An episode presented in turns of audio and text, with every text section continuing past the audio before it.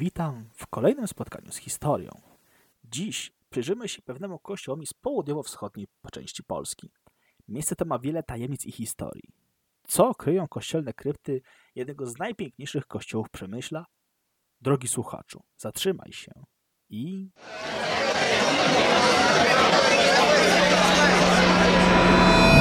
Usłysz historię. Fundatorem kościoła i klasztoru karmelitów bosych w Przemyślu był starosta przemyski Marcin Krasicki, który na ten cel wykupił parcelę przyległe do murów między Basztą Krawiecką i Kowalską w południowej części miasta, powyżej Kolegium Jezuickiego, znajdującego się wówczas w budowie. Prawdopodobnie osobiste spotkanie Krasickiego z pierwszym polskim karmelitą i wybitnym kaznodzieją Andrzejem Brzechwą przesądziło o powstaniu w XVII stuleciu placówki zakonnej w Przemyślu. Kim był fundator?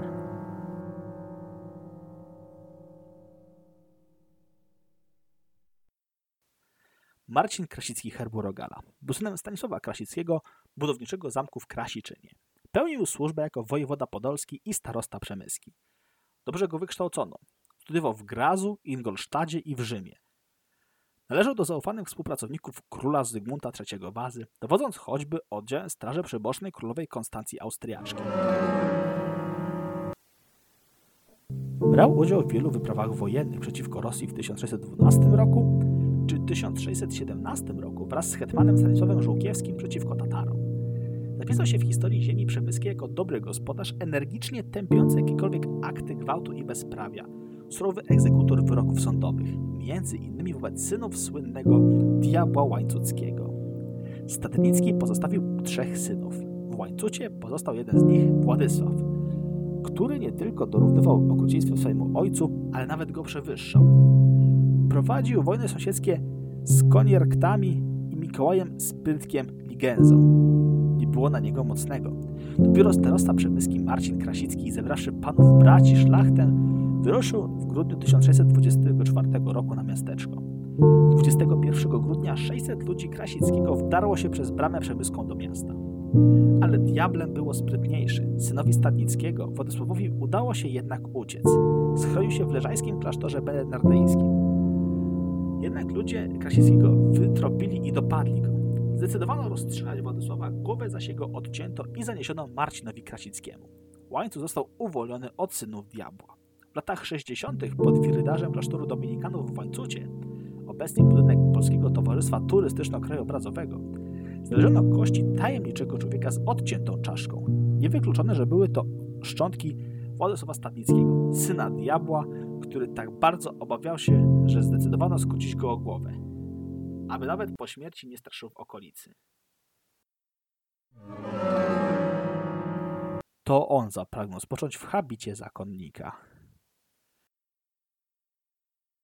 Krasicki przeprowadził budowę w zamku w Krasiczynie. Nad portalem wejściowym tzw. Tak Baszty Boskiej, wyszedł kaplica zamkowa, Marcin kazał umieścić swojego patrona, świętego Marcina, wręczającego ubogim kawałek swojego płaszcza.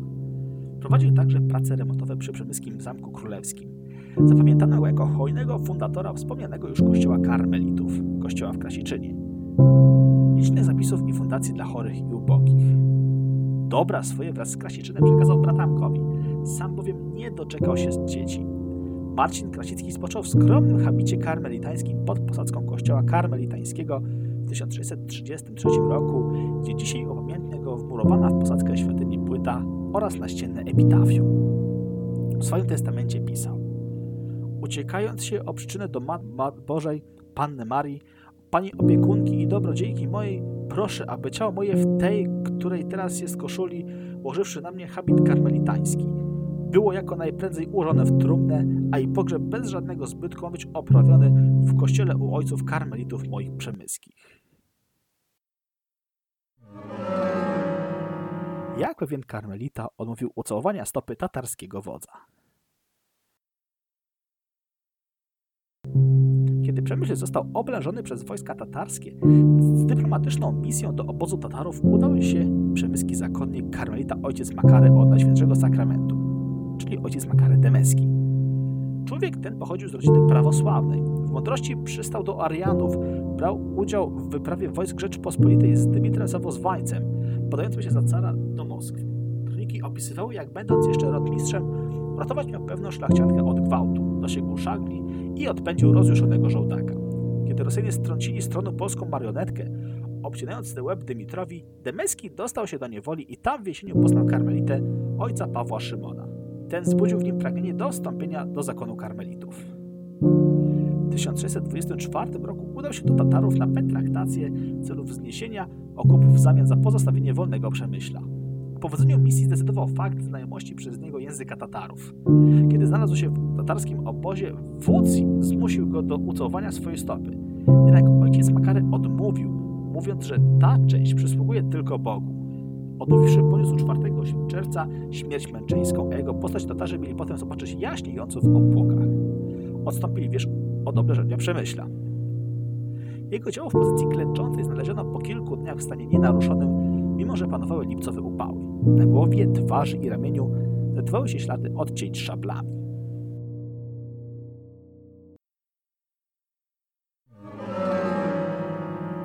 Co przedstawia makabryczny fresk z kościelnej zakrystii.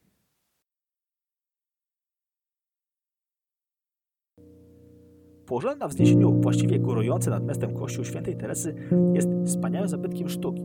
W jego wnętrzach szczególną uwagę zwraca rokokowa abona z 1799 roku, która pryta kształt łodzi z masztem i żaglem tworzącym baldachim oraz rzeźbami siedzących przy burcie i trzymających sieci oraz wysła apostołów Piotra i Pawła.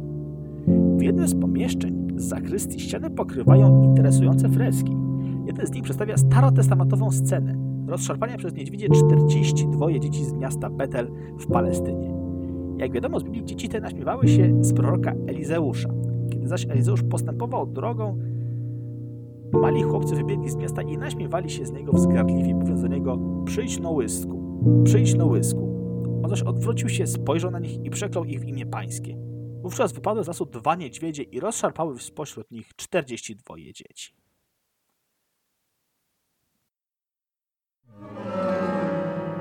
Co kryją krypty? Pod kościołem karmelitów bosych znajdują się krypty, w których chowano zmarłych zakonników i fundatorów. W krypcie spoczęła choćby żona wojewody poznańskiego Stefana Potockiego. Zmarła zaledwie w wieku 30 lat w 1731 roku. Marianę Złaszczów Potocką. Śmierć Stanisławowi w ciągu dwóch lat nie tylko przedwcześnie żonę, ale i najmłodszego syna Józefa, szwagra oraz matkę Wiktorię. Przyczyną zgonów była zaraza przemieszczona przez ormiańskich kupców z Turcji. Do 1784 roku w kryptach kościoła karmelitów pochowano ponad 90 mnichów. W czerwcu tegoż roku dekretem austriackiego Józefa II zamieniono na katedrę grekokatolicką. Po II wojnie światowej kościół został zwrócony zakonnikom.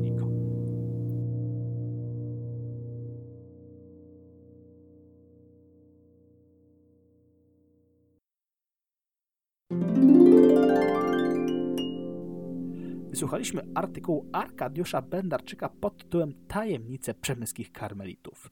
Skoro zakończył się artykuł, to i nasze spotkanie z historią dobiega końca. Pamiętajcie, historię tworzymy my wszyscy. Do usłyszenia.